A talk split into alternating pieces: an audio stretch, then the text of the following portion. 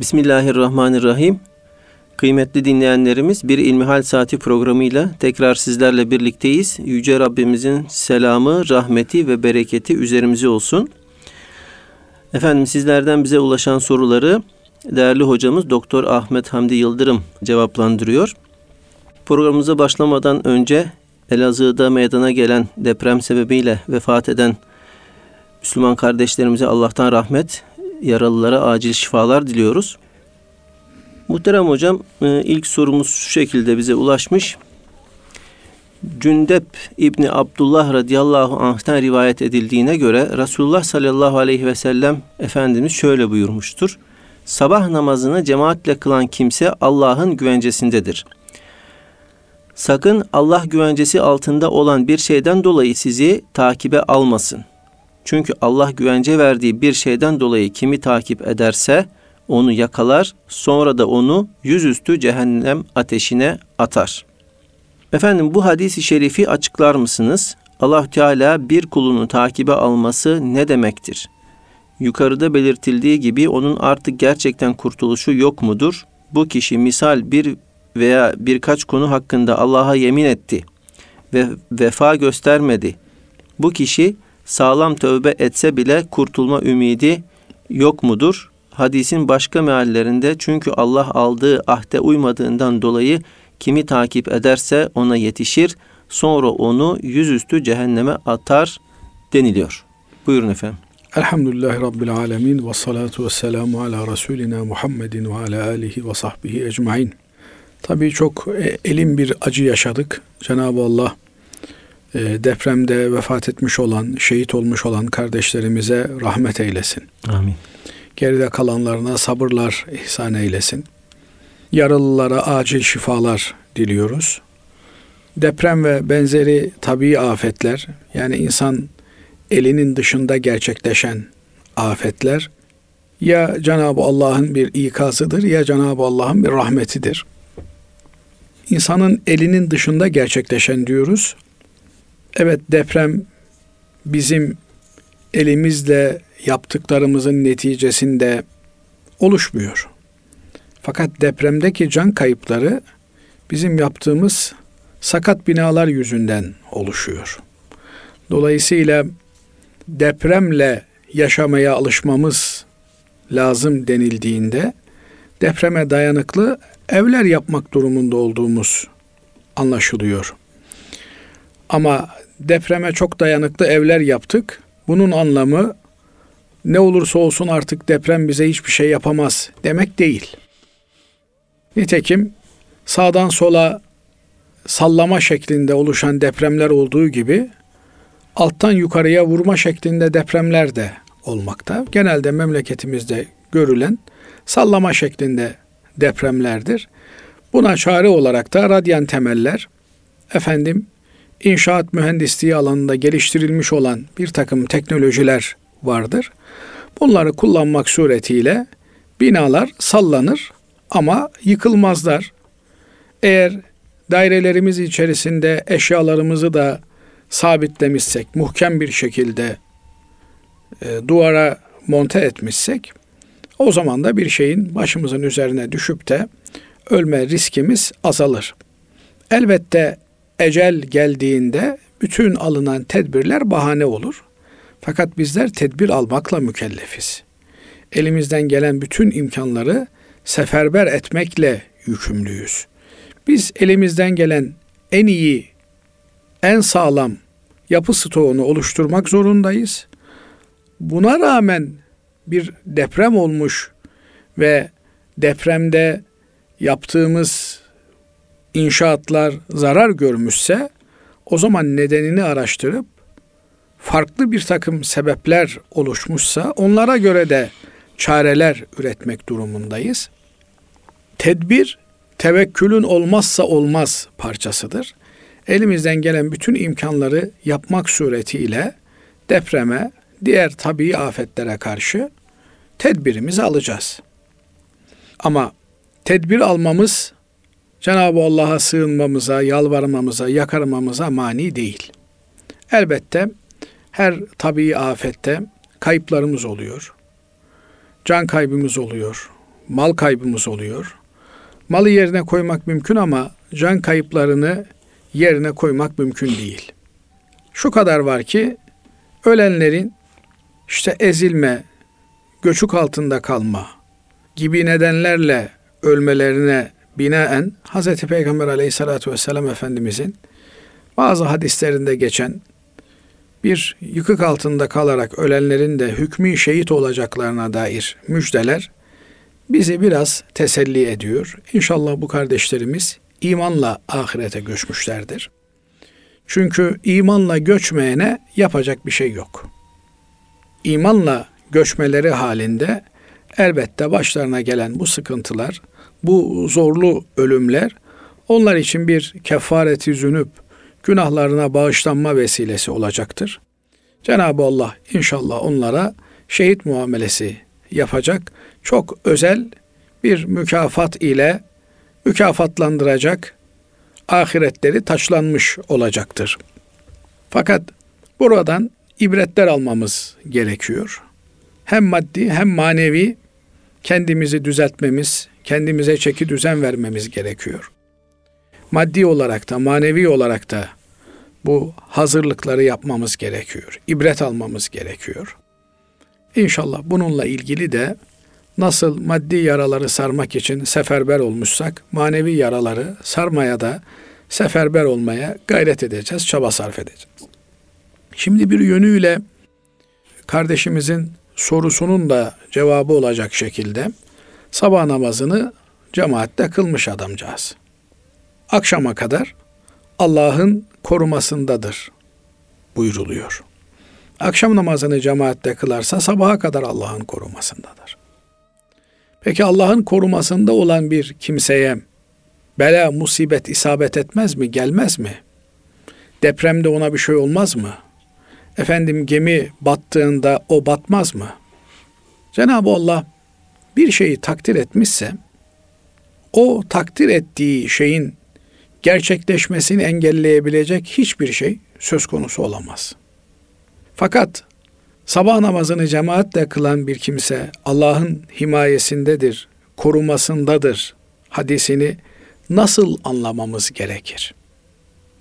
İşte bu noktada alimlerimiz kafa yormuşlar. Allah'ın himayesinde olması bir kimsenin ne anlama gelir? Eskiden cahiliye döneminde Araplarda yaygın olarak kullanılan himayeye alma kavramı vardı. Nitekim Hz. Peygamber sallallahu aleyhi ve sellem Efendimizin hayatına baktığımızda da Mekke-i Mükerreme'den çıkıp tekrar Mekke-i Mükerreme'ye girdiğinde Mekke'nin ileri gelenlerinden birinin himayesinde Mekke'ye giriyor. Nitekim Mekke'nin ileri gelenleri farklı farklı zamanlarda farklı kişilere böyle himayeler verdikleri yine siyer kitaplarımızdan Hazreti Peygamber aleyhissalatü vesselam Efendimizin hayatını anlatan kitaplardan okuduğumuz hadiseler. Dolayısıyla sabah namazını kılmış olan bir kimseye de Allah himayesine alıyor. Bu kimseye kimse dokunmasın. Bu benim himayemdedir diyor. Şimdi teşbihte hata olmaz. İşte bir ülke vatandaşı bir yerde kötü bir muamele gördüğünde diyor ki ben filan ülkenin vatandaşıyım diyor. Ben filan ülkenin himayesindeyim diyor. Eğer bu ülke dünyanın itibar ettiği bir ülke ise o zaman hakikaten bu himaye işe yarıyor. Dolayısıyla bir kimsenin Allah'ın himayesinde olması onun dokunulmaz olduğu anlamına geliyor. Yani eğer bir kimse ona dokunacak olursa Allah'ın himayesindeki birine dokunmuş demektir ki Allah bunun hesabını o dokunandan sorar. Tabiri caizse Allah'ın nazlı kulu haline gelmiştir. Çünkü Cenab-ı Allah'a karşı en önemli vazife olan namazı en mükemmel surette kılmıştır. Ve namazlar içerisinde de ilk namaz olması hasebiyle bir de e, uykuyu kesip de icra edilen bir ibadet olması hasebiyle sabah namazı ayrı bir öneme sahiptir. Sabah namazını camide cemaatle kılmak o en mükemmel surette eda edilmesi, yerine getirilmesi, ifa edilmesi anlamına gelir ki bu durumdaki bir Müslüman artık Allah'ın himayesindedir. Allah'ın korumasındadır. Allah'ın korumasındayken bir insana araba çarptı. E hani Allah'ın korumasındaydı? Burada bu hadisi şerifi anlarken devamından da anladığımız üzere şunu diyebiliriz. Ey insanlar! Sabah namazını cemaatle kılan bir kimse Allah'ın himayesinde korumasındadır. Ona ilişmeyiniz. Ama biri bir yanlışlık yapar, bir hata yapar, Allah'ın korumasındaki birine ilişir, sataşır, bulaşır, onun hesabını Allah görür. Binaenaleyh, burada Allah'ın korumasındadır denilen kişinin başına bir şey geldiğinde bu söz hani bu böyle olacaktı bak olmadı şeklinde bir itiraz ile cevaplanamaz. Allah'ın himayesindedir yani ona dokunmayınız demektir. Namaz kılınız gibi. Haram işlemeyiniz gibi. Ama insanlar haram işliyorlar. İşliyorlar ama onun hesabını Allah onlardan soracak. Binaenaleyh Allah'ın korumasında, himayesindeki birine bulaşan bir kimsenin hesabını Allah görür. Peki adam sabah namazını cemaatte kılmadı diye herkesin sataşmasına, efendim itip kalkmasına müstahak hale mi gelmiştir? Yani sabah namazı adama soralım şimdi. Sen sabah namazını cemaatte kıldın mı? Yok abi evde kıldım. Ha, gel bakayım o zaman sen buraya. Sana dokunabilirim anlamına mı geliyor? Hayır. Böyle bir anlam da çıkmaz bu hadisten. Allah'ın yarattığı bütün varlıklar dokunulmazdır. Allah'ın yarattığı insan için hizmete amade kılınmış olan varlıklar hizmet noktayı nazarından kullanılabilirler. İnsan Allah'ın yarattığı en şerefli mahluktur. Haksız yere canına, malına, iffetine, namusuna, şerefine dokunulması haramdır. Hz. Peygamber aleyhissalatü vesselam Efendimiz veda hutbesinde bütün insanlığa bunu ilan etmektedir. Her insanın canı da, malı da, onuru da dokunulmazdır. Kimseyi aşağılayamazsınız. Kimseyi hor göremezsiniz. Kimseyi ezikleyemezsiniz. Ammiyane ifadesiyle. Buna göre namazı cemaatte kılmadı diye birine sataşmanız, onun malına, canına kastetmeniz de caiz değildir. Fakat namazı, sabah namazını cemaatle kılmış olan kimsenin Allah katında özel bir imtiyazı ve ayrıcalığı vardır. Tabiri caizse ona bulaşana onun intikamını Cenab-ı Allah bizzat alır. Ve Allah birinden intikam almayı murad etti mi onun kaçışı söz konusu olamaz. Nitekim hadisin devamında bunu söylüyor. Evet. İsterseniz bir daha devamını zikredin. Çünkü Allah güvence verdiği bir şeyden dolayı kimi takip ederse onu yakalar sonra onu yüzüstü cehennem ateşine atar. Yani Allah'ın himayesindeki birine bulaşan kimse Evet. Eğer tövbe etmezse tabi bütün bunlarda tövbe kaydı vardır. Tövbe Cenab-ı Allah'ın bütün insanlık için en büyük armağanıdır. Tövbe kapısı sonuna kadar açıktır. Bir insan ne kadar büyük günah işlerse işlesin, tövbe yaparsa, şartlarına riayet ederek uygun bir şekilde tövbe yaparsa Allah onu affeder. Allah onu bağışlar. Tövbenin bağışlamayacağı, istiğfarın örtmeyeceği hiçbir günah yoktur.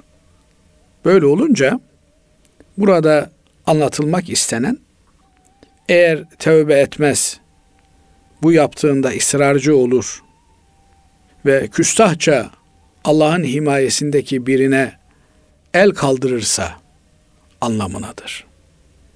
Yoksa bir hadisi şerifte Efendimiz Aleyhisselatü Vesselam bizlere naklediyor. Eski ümmetlerden birinde bir adam 99 kişiyi öldürmüş. Var mı yeryüzünün en bilgini insanı nerededir?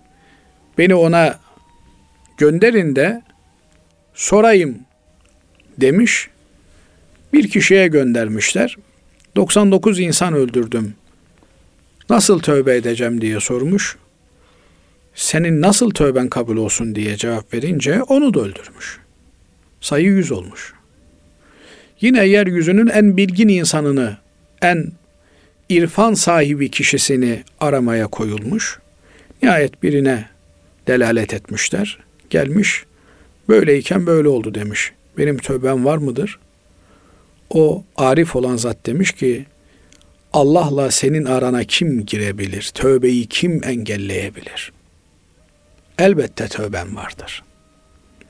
Fakat tövbenin şartlarından bir tanesi seni günahkar yapan ortamdan ayrılmaktır. Yani dolayısıyla içkiye tövbe eden birinin ben meyhanede durayım içkiye tövbe ettim demesinin bir anlamı yoktur. İçkiye tövbe etmenin yolu meyhaneyi adres defterinden silmektir. Sigaraya tövbe ettim demenin yolu sigara içilen ortamlarla vedalaşmaktır. Ben kötülüklerden tövbe ettim demenin şartı seni kötülüğe götüren ortamla olan ilişkini sonlandırmandır. Bu bir. Bu da yetmiyor. Senin iyilikte kalmanı sağlayacak bir grup arkadaşla beraberlik tesis etmendir. Nitekim Efendimiz Aleyhisselatü Vesselam bu olayı naklederken o arif olan zatın ancak bir şartla senin tövben kabul olur. Sen olduğun yerden ayrılacaksın. Filan yerde güzel insanlar var, iyi insanlar var. Onların yanına gideceksin diye şart koşar. Rivayete göre yoldayken ölür. Azap melekleri gelirler. Bu adam çok günah işledi, çok can yaktı, çok kimseye bulaştı. Öldürdüğü insanların haddi hesabı yok. Bunun ruhunu biz alacağız derler. Rahmet melekleri gelir. Bir dakika. Tamam dediğiniz doğru ama tövbe etti. Tövbe ettikten sonra her şey bitti. Siz alacaksınız, biz alacağız diye tartışırlar. Alemlerin Rabbine müracaat ederler. Her şeyi bilen Rabbimiz bakın der. İyilerin tarafına mı yakın, kötülerin tarafına mı yakın? Ölçerler, iyilerin tarafına bir karış yakın olduğu görülür. Hatta bir rivayette kötülerin tarafına yakındır da Cenab-ı Allah iyilerin tarafındaki mesafeyi kısaltır, iyilerin tarafına yakın görünür. Böylelikle iyilik melekleri, rahmet melekleri bu adamın ruhunu alır götürürler. Buradan anlıyoruz ki tövbe etmenin şartı tövbemizi muhafaza edebileceğimiz, koruyabileceğimiz bir yeni ortama girmektir. Eski ortamdan bize günah işleten, günaha bulandıran, bulaştıran ortamdan kurtulup yeni bir ortama girmektir. Böyle olunca tövbeyi Cenab-ı Allah kabul eder. Hatta tövbe etmemiz sebebiyle eski günahlarımızı sevaba bile çevirir. Binaenaleyh elbette tövbe kapısı sonuna kadar açıktır. Yeter ki kul yalvarsın, yakarsın, gözyaşları içerisinde Cenab-ı Allah'a sığınsın, iltica etsin. Öyle olunca bağışlanmayacak günah yoktur. Allah razı olsun kıymetli hocam. Efendim ikinci sorumuz şu şekilde. Dinleyicimiz bize demiş ki ev sahibinin her sene kiraya zam yapması caiz midir yoksa faize girer mi? Şimdi Allah herkese ev sahibi yapsın. Kiracı olmak da zor. Kiraya mal mülk vermek de zor. Kiracılar kendi zaviyelerinden bakarlar. Bu adam her ay kira istiyor derler. Ev sahibi de işte 400 bin liralık, 500 bin liralık evini 1000 liraya, 1500 liraya kiraya vermiştir. Efendim dünyanın parasını ben buraya bağladım der. Öyle bir dert yanar. Öncelikli olarak yaptığımız işlerde, ticarette memnun olmayı kendimize düstur edinmemiz gerekir. Anlaşmışsınız bir fiyatta bir yerde kiracı olarak oturuyorsunuz. Elhamdülillah Allah razı olsun bu mal sahibinden. Eğer bunlar kiraya vermek üzere ev sahibi olmasaydılar benim ev alabilecek imkanım yoktu. Ev sahibi de Allah razı olsun bu adamcağız ev boş boş durup yıpranacağına içinde bir insan var hem kira veriyor hem evime bakıyor diye kiracısına müteşekkir olmalı. Böyle olunca her iki tarafta yaptıkları alışverişten memnun olurlar. Memnun olduklarında bereketini görürler. Ama öyle olmaz da her iki tarafta bir memnuniyetsizlik sergilerse hem bereketten mahrum olurlar hem de kavga gürültüden kurtulamazlar. Şimdi bu basit girişten sonra genelde memleketimizde özelde de İstanbul'da yapılan kira sözleşmeleri bir yıllık olarak yapılmakta. Aksine bir durum olmadığı sürece otomatik olarak yenilenmektedir.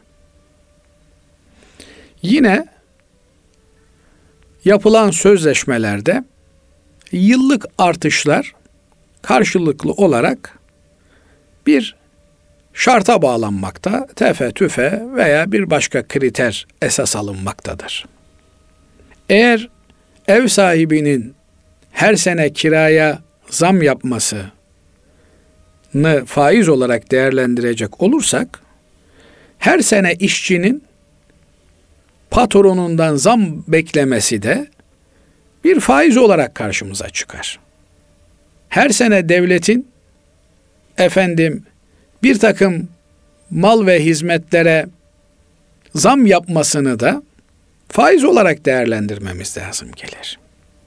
Yani eğer enflasyon olan bir ortamda yaşıyorsak bu enflasyonun yani paranın değer kaybetmesinin bir çaresi olarak her sene sözleşmelerde bir ilave artışı öngörmüşler.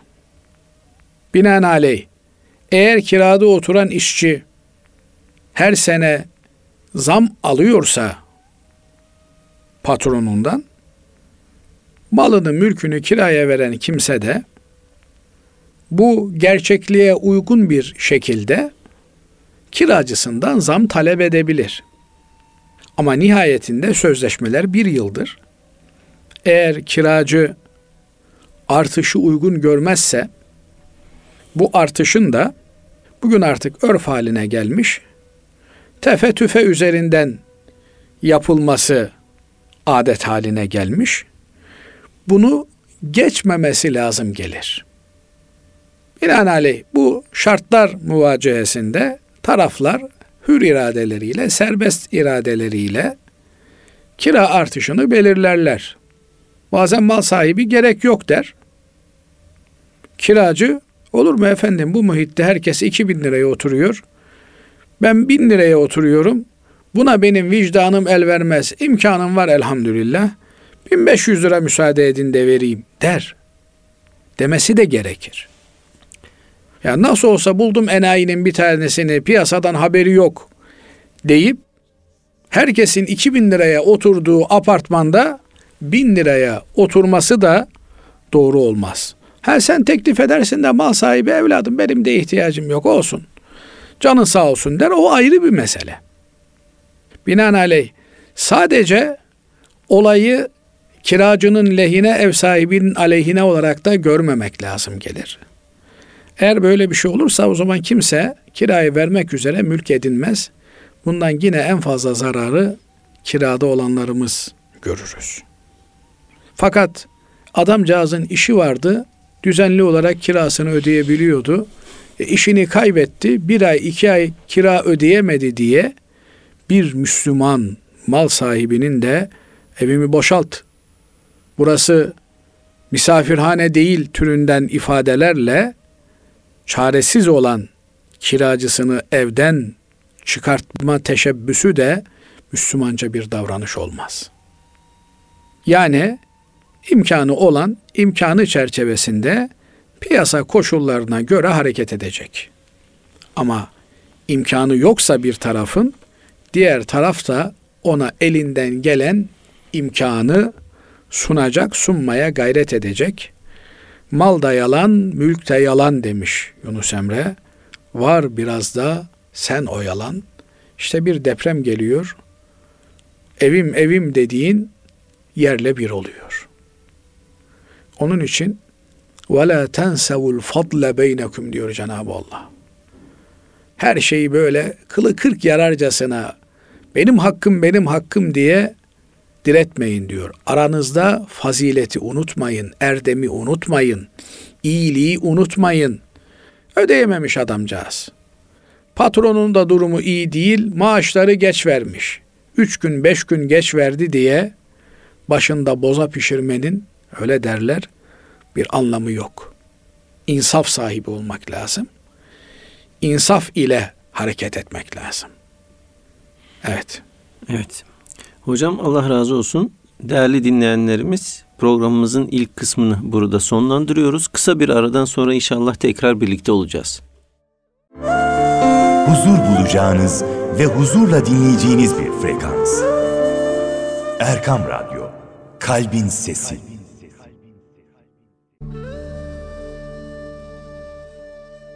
Kıymetli dinleyenlerimiz İlmihal Saati programımıza kaldığımız yerden devam ediyoruz. Efendim bir dinleyicimiz şöyle sormuş. Diyor ki bir bankanın büyük hissedarı olduğu bir fabrikada çalışmak caiz midir? Mezkür fabrikanın üretim ve ticareti tamamen helaldir. Şimdi tabii e, kardeşimiz kendi hükmünü kendi vermiş. Üretim ve vermemiş. faaliyeti helaldir diyor. Şimdi biz haramı iki şekilde değerlendiriyoruz. Biri haram li aynihi bizzat kendisi haram olan şeyler. Nedir? İşte şarap. Besmelesiz kesilmiş hayvan. Haramdır. Yani ne yaparsan yap helal olmaz. Bir de haram li gayrihi kendi haram değil ama bir başka gerekçeyle haram olmuş. Mesela adam kuyumcuyu soymuş, kuyumcudan altın çalmış. Gelmiş sana Kelepir kuyum altın satıyor. yani altının gramı 300 lira ben diyor 150 liraya satayım sana diyor. Evet. Biliyorsun onun çalıntı olduğunu. Alman helal olur mu? Olmaz. Olmaz. Haram. Niye? Çünkü kendi malını satmıyor. O elindeki mal haram bir mal. E altın haram değil. Evet altın haram değil ama çalıntı olduğu için hara- haram. Ekmek çalmış, ilaç çalmış. Getirmiş, çalıntı malı satıyor sana. E bunu yemek helal mi? Çalıntı olduğunu bildiğin zaman haram hale geliyor. Şimdi burada bir banka faizle iştikal eden yani Allah'ın haram kıldığı faiz ile işlem yapan bir banka bir fabrika açıyor. Kullandığı sermaye faiz parası. Haram olan para. O haram olan parayla yaptığı her şeye haram bulaşır. Yani bir adam gelse size dese ki Basri hocam işte bankada bir milyon dolarım var. şu 50 bin dolar da faizi bunu da size vereyim. Ne yapacaksınız? Almayacağım. Almayacaksınız. Hayır kazara bir şekilde elinize geçmişse onu imha edeceksiniz. Niye? Haram. Helal bir şey değil. Bir Müslümanın sıradan normal bir durumda kullanabileceği bir para değil. Yahu bu paranın harama helali olur mu? Olur. Eğer haramdan kazanılmışsa Yani o çalıntı O- altın gibi. çalıntı altın gibidir. Evet. Niye? İşte saf, ihtiyaç sahibi veya tamahkar kimselerin paraları demektir bu. Kaldı ki faiz işlemi sadece alanla veren arasında bitmiyor. Bütün topluma sirayet ediyor. Dolayısıyla bütün toplumla helalleşmek gerekiyor. Çok zor bir şey. Ya kardeşim ben almadım ki verdim. E senin verdiğin faiz yüzünden zaten piyasanın dengesi bozuldu. Yani faiz muamelesi alanla veren arasında biten bir ilişki değil. Dolayısıyla burada artık küreselleşme de söz konusu olduğu için bütün dünya ile helalleşmek gerekir. Bu yüzden kardeşim kesinlikle banka ile bankanın türevleriyle hiçbir şekilde bir Müslümanın ilgi ve alaka içerisinde olmaması, iltisakının bulunmaması gerekir. Uzak durması lazım. Ama helalinden çalışıp evine, evladına rızık götürebileceği bir işi yok. Yani limon alayım, pazarda satayım, limon yok. Simit alayım, tezgahta satayım, fırın simit vermiyor. Naçar kalmış, çaresiz.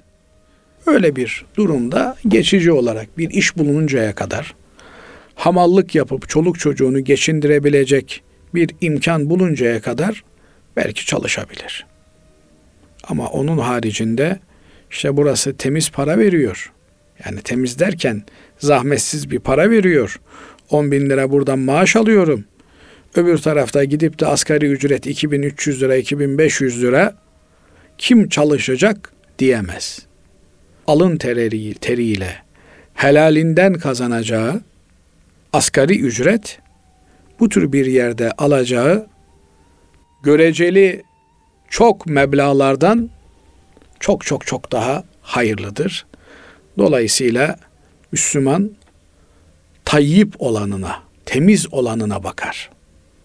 Helal olanına bakar. Çok olana, fazla olana değil. Binaenaleyh bu gibi yerlerde çalışmamalı bir Müslüman. Evet. Değerli hocam diğer bir sorumuz şöyle. Faizsiz finans kurumları ve dağıttıkları kar payları hakkında ne düşünüyorsunuz? Şimdi faizin egemen olduğu kapitalist bir toplumda faizsiz bir kurumun, bankanın bütünüyle faizsiz olarak çalışabildiğini söylemek zor. Niye? İçinde bulunduğumuz sistemin kuruluşu faizli sistem olarak kurulmuş. Siz faizli bir yapının içerisinde olabildiğince faizsiz işlem yapmaya çalışıyorsunuz. Kaldı ki İslam ekonomisi dediğimiz şey İslam ahlakı yerleşmeden gerçekleşebilecek bir şey değildir. Az önce kira meselesinde söyledik. Yani adamın işi gücü yerinde. Apartmanda herkes 1500 liraya kirada oturuyor. Bu beyefendi mal sahibi yurt dışında bir şeyden haberi yok diye 700 liraya kirada oturuyor. Ahlaklı bir Müslüman ne yapar? Hacı abi, hacı abla, işte her kimse mal sahibi. Ya bu apartmanda 1500 liraya herkes kirada oturuyor. Ben 700 lira veriyorum. Bu böyle olmaz. Birden de yükseltmemiz de benim açımdan uyum problemi doğurur. Ama müsaade ederseniz bin lira yapalım demesi gerekir. Yine Müslüman bir mal sahibinin adamcağız işini kaybetmiş. Çoluğu çocuğu açlıkla mücadele ediyorken onlara ekstra yardım etmek yerine ben kiramı bilirim, kiramı ödemiyorsanız işte kapı demez. Niye? Çünkü Cenab-ı Allah borç ilişkisinde şu kesin hükmü bizlere bildiriyor. Eğer size borcu olan kişinin ödeme imkanı varsa ödesin. Ödeme imkanı yoksa fenaziratun ila meysera. Eli bollaşıncaya kadar alacaklı olan kişi bekler diyor. Bekler. Nasıl bekler? Edebiyle bekler. Veya iş bulmasına yardımcı olur. Kardeşim sen işten çıktın. Ondan sebep mi kiranı ödeyemiyorsun? Evet abi işimden, gücümden oldum. İyi o zaman gel ben de sana yardım edeyim. Sana iş bulalım. Sen çalış. Çoluğuna çocuğuna ekmek götür. E benim kiramı da öde. Hay hay. Yoksa ben anlamam. Ne yaparsan yap. Ne yapsın bu adam? Ne yapsın? Bir Müslüman her şeyden önce ahlak sahibidir. Şimdi ahlak sahibi olan insanların ticari borçlanmaları kolaydır. Her iki tarafta karşı tarafı düşünür ve onun zarar görmemesi için uğraşır. Ama eğer ahlakla ilgili zafiyetimiz varsa keser gibi herkes kendine yontar. O zaman kavga gürültü çıkar. Dolayısıyla ahlaken maalesef istenilen seviyede olamadığımız, düzen olarak da İslamik ekonomik bir düzende bulunamadığımız için ne kadar faizsiz finans kuruluşları desek de bunların içerisine bir şekilde bu mikrop bulaşır. Fakat bu kurum ve kuruluşlar konvansiyonel olan faizli bankalardan birçok yönüyle ayrılırlar. Birincisi faizle işlem yapan kurum ve kuruluşlar enflasyonu tetikleyici bir şekilde işlem yaparlar. Yani eğer siz yıllık faizi yüzde onla veriyorsanız yüzde onun üzerinde bir enflasyon öngörüyorsunuz demektir. Dolayısıyla faiz enflasyonu doğurur. Peşin peşin adam sizden aldığı 100 lirayı 110 lira verebilmesi için 100 liraya sattığı malı en az 110 liraya satması lazım. Hatta daha fazlasına satacak ki size o yüzde on fazlayı ödeyebilsin. Ama faizsiz katılım finans sistemi geriye dönük kar payını hesap eder. Onun için başta senin bana verdiğin 100 liraya ben bir sene sonra 110 lira vereceğim demez. Ne der? Bir sene sonra bakacağız. Biz yaptığımız ticaretten ne kar elde etmişiz? Onu havuzda değerlendireceğiz. İşte yatırdığınız meblağa göre yüzde yirmisi işletme payı olarak, yüzde onu işletme payı olarak, yüzde sekseni, yüzde doksanı havuzda kar payı olarak size gelecek. Bu kurum ve kuruluşların yaptıkları işlemler ne kadar şer'i şerife, dinimizin hükümlerine uygun olursa o kadar elde edilen bu karlar da e, temiz olur. Ama arada kaçaklar olur. Mal değil, para satmaya kalkarlarsa o zaman bunlar şaibeli işleme dönüşür. Binaenaleyh bu tür müesseselerde, kurumlarda, kuruluşlarda parası olan kardeşlerimizin bu kurum ve kuruluşları denetlemeleri gerekir. Arada kaçak olması nasıl mümkün olabilir hocam? Yani mesela e, ev alıp onu taksitli satıyordur müşterisine. Ortada ev yokken bir parayı kullandırmış olabilir. Atıyorum filan yerdeki X şubesi. İşte burada kaçak var demektir. Şimdi e, adı katılım bankasıdır ama telefonla sizi arıyordur. İşte paranız yoksa size para verelim yüzde on kar payıyla. Kardeşim param yoksa para veriyorsun. Sen bunun adına kar payı desen de bu faiz. Efendim yağmur payı desen de bu faiz. Ama ben bir mal alıyorum da gelip ya kardeşim ben bu malı alacağım peşin param yok sen bunu al bana sat diyorsam o ayrı bir mesele. Şimdi burada maalesef kaçaklar oluyor. Bu yüzden kardeşlerimizin denetlemesi, sizin şer'i komisyonlarınızda kimler var diye sorması, soruşturması, hakikaten dinine, diyanetine güvendiği insanlar mı bu komisyonlarda var? Yoksa haram helal laubaliliği içerisinde olan kimseler mi var? Her şeye caiz diyen kimseler mi var? Bunları bir mudi olarak, müşteri olarak sorma hakkı var. Ona göre dikkatli bir şekilde davransın. En şeriata uyan, dini hükümlere karşı hassas olan kurumlarla çalışmayı tercih etsin. Bu kurumların e, meselelerin, işleyişlerin şeriatımıza göre işlediğine dair e, imzaları bulunan hoca efendiler var bu kuruluşlarda. E ondan sonra o hoca efendilere eğer bir sorumluluk varsa yükler.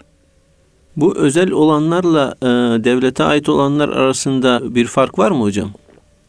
E tabi biri kamu kuruluşu, diğeri özel kuruluş. Yani bu kadar bir fark var. Yani e, Ama- şeriata uygunluk açısından mesela bahsettiğiniz o denetleme kurulları da e, mesela Tabii her İslam birinin- alimleri istihdam ediliyor mudur? Tabi muhakkak. Zaten e, katılım bankası olabilmesi için bir denetleme komisyonunun e, şeriat border denilen yani bir e, İslam hukukçularından oluşan bir komisyonun bulunması gerekiyor. Hem devlet e, katılım bankalarında hem özel sektörde bunlar var. E, biz arzu ediyoruz ki Türkiye'mizde hizmet veren bütün bankalar faizsiz sistemle vatandaşa e, yaklaşsın ve e, artık faiz belasından, illetinden kurtulmuş olalım. Efendim biri kar payı diyor, biri faiz diyor. Aslında yaptıkları iş aynı. Aynı değil. Niye aynı değil? Biri bugünden yarına bir oran tespit ediyor, enflasyonu körüklüyor. Öbürü bugünden düne oluşmuş olan farkı veriyor veya tahsil ediyor. Yani biri enflasyonu tetikliyor, öbürü enflasyondan kaynaklanan zararı bertaraf etmek için çalışıyor. İkisi ayrı ayrı şeyler. Eğer hakikaten katılım ekonomisini canlandırabilirsek enflasyon belasından da kurtuluruz. Elbette insanlar eğer katılım ekonomisi canlanırsa farklı daha reel enstrümanlara da yönelirler. Yani bugün şimdi ağırlıklı olarak murabaha işlemi yaptığını görüyoruz. Yani kar payı üzerine koyuyor, peşin aldığı şeyi kar payı koyarak vadeli satıyor bu katılım bankaları. Biraz daha reele, müşarekete yani tam ortaklığa gidebilirler. İşte bugün melek fonları denilen fonlar gibi bankalar da bir takım projeleri fonlamaya başlarlar. Bu e, fonlamaların neticesinde e, oluşan karları da direkt kar olarak kendi hanelerine yazarlar. İnşallah daha iyiye doğru bir evrilme olur. İnşallah. Değerli hocam bir dinleyicimiz şöyle e, bize yazmış. Efendim kurbanımı 10 yıldır bir yere veriyordum. Şimdi öğreniyorum ki bu paralarla kurban kesilmeyip başka işler için harcanmış. Bu durumda benim ne yapmam lazım gelir? Şimdi mesela ben e, yeğenime Almanya'dayım, Almanya'da kurban kesemiyorum rahat diye Ağrı'da yeğenime gönderiyorum. O da ya işte dayım her kurban bize harçlık gönderiyor Allah razı olsun deyip çoluk çocuğa elbise almış. Yani arada bir iletişim kopukluğu olmuş. Yoksa kurban diye gönderdi de e, kesmedi demeyelim yine suizan yapmayalım. Ama netice itibarıyla benim 10 yıldır kurbanım kesilmemiş. Her neyse veya işte bir derneğe bir kuruma veriyordum. E, onlar da kardeşim işte e, kurbana acı çektirmeye ne gerek var? Biz onun parasını ihtiyaç sahibi hastalara dağıttık. Türünden kurban hassasiyeti taşımayan bir dernekmiş. Olur ya. Evet. Şimdi herkes kurban kesiyoruz diye Evet. ortaya çıkıyor. Ama e, kesiyor mu kesmiyor mu Allah bilir. Binaenaleyh 10 senede 20 senede sürse 20 sene sonra öğrendik ki bizim 20 senelik kurbanlarımız kesilmemiş. Ne yapacağız? Bugün bir kurbanın bedeli kaç lira? 1000 lira. 1000 çarpı 10 bin 10 senelik kurban bedelini fakir fukaraya vereceğiz. 10 tane fakire biner lira kurban bedelini verip onların kazasını yapmış olacağız. Bedel olarak vereceğiz. Evet. Veya Tekrar kur- kurban hayvan olarak da verebilirsin. Ha. Yani bunu al kes Allah rızası için diye de verebilirsin ama en temizi para olarak verip niye? Kurban zamanı geçmiş çünkü. Kurban kurban bayramı günlerinde kestiğimiz hayvanlara verdiğimiz attır. Yani kurban işte o dört gün içerisinde, üç gün içerisinde kestin kestin. Kesemedin.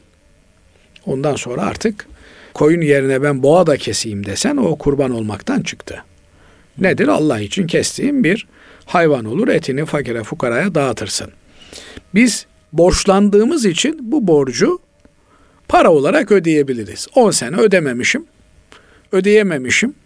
Yani ödemişim ama yerini bulmamış. Kesilmemiş. Onlar daha sonra para olarak tasadduk edilir. İnşallah Cenab-ı Allah Hocam affeder. bu manada da şöyle bir şey oluyor. Bakıyoruz e, bazı dernekler efendim çok düşük meblağlar ilan ediyorlar yurt dışında e, özellikle kestikleri kurbanlarda bazıları farklı. Yani mesela böyle bir kişi nasıl e, tayin ve tespit edecek Bulunduğunuz yerde kurban kaç liraysa bulunduğumuz yerdeki? orada o bedel üzerinden borcunuzu ödeyeceksiniz. Evet Almanya'da bulunuyorsa Almanya'da Almanya'da ödeyeceksiniz. Türkiye'de ise. Türkiye'deyseniz Türkiye'de ödeyeceksiniz. Yani ortalamasını daha alıp- doğrusu vacip olan kurbanınızı önce parayı kazandığınız, hayatı sürdüğünüz, serveti yaşadığınız yerdeki fakirlerle paylaşacaksınız. Ama e, anneniz için, babanız için, ölmüş geçmişleriniz için kurban bağışlayacaksınız. Onu yurt dışında fakirlikle mücadele edilen veya başka ulvi maksatlar gözetilen yerlere gönderebilirsiniz. Allah razı olsun kıymetli hocam. Teşekkür ediyoruz. Biz teşekkür ederiz. Değerli dinleyenlerimiz bir İlmihal Saati programımızın daha sonuna ermiş bulunuyoruz. Hepinizi Allah'a emanet ediyoruz efendim. Hoşçakalın.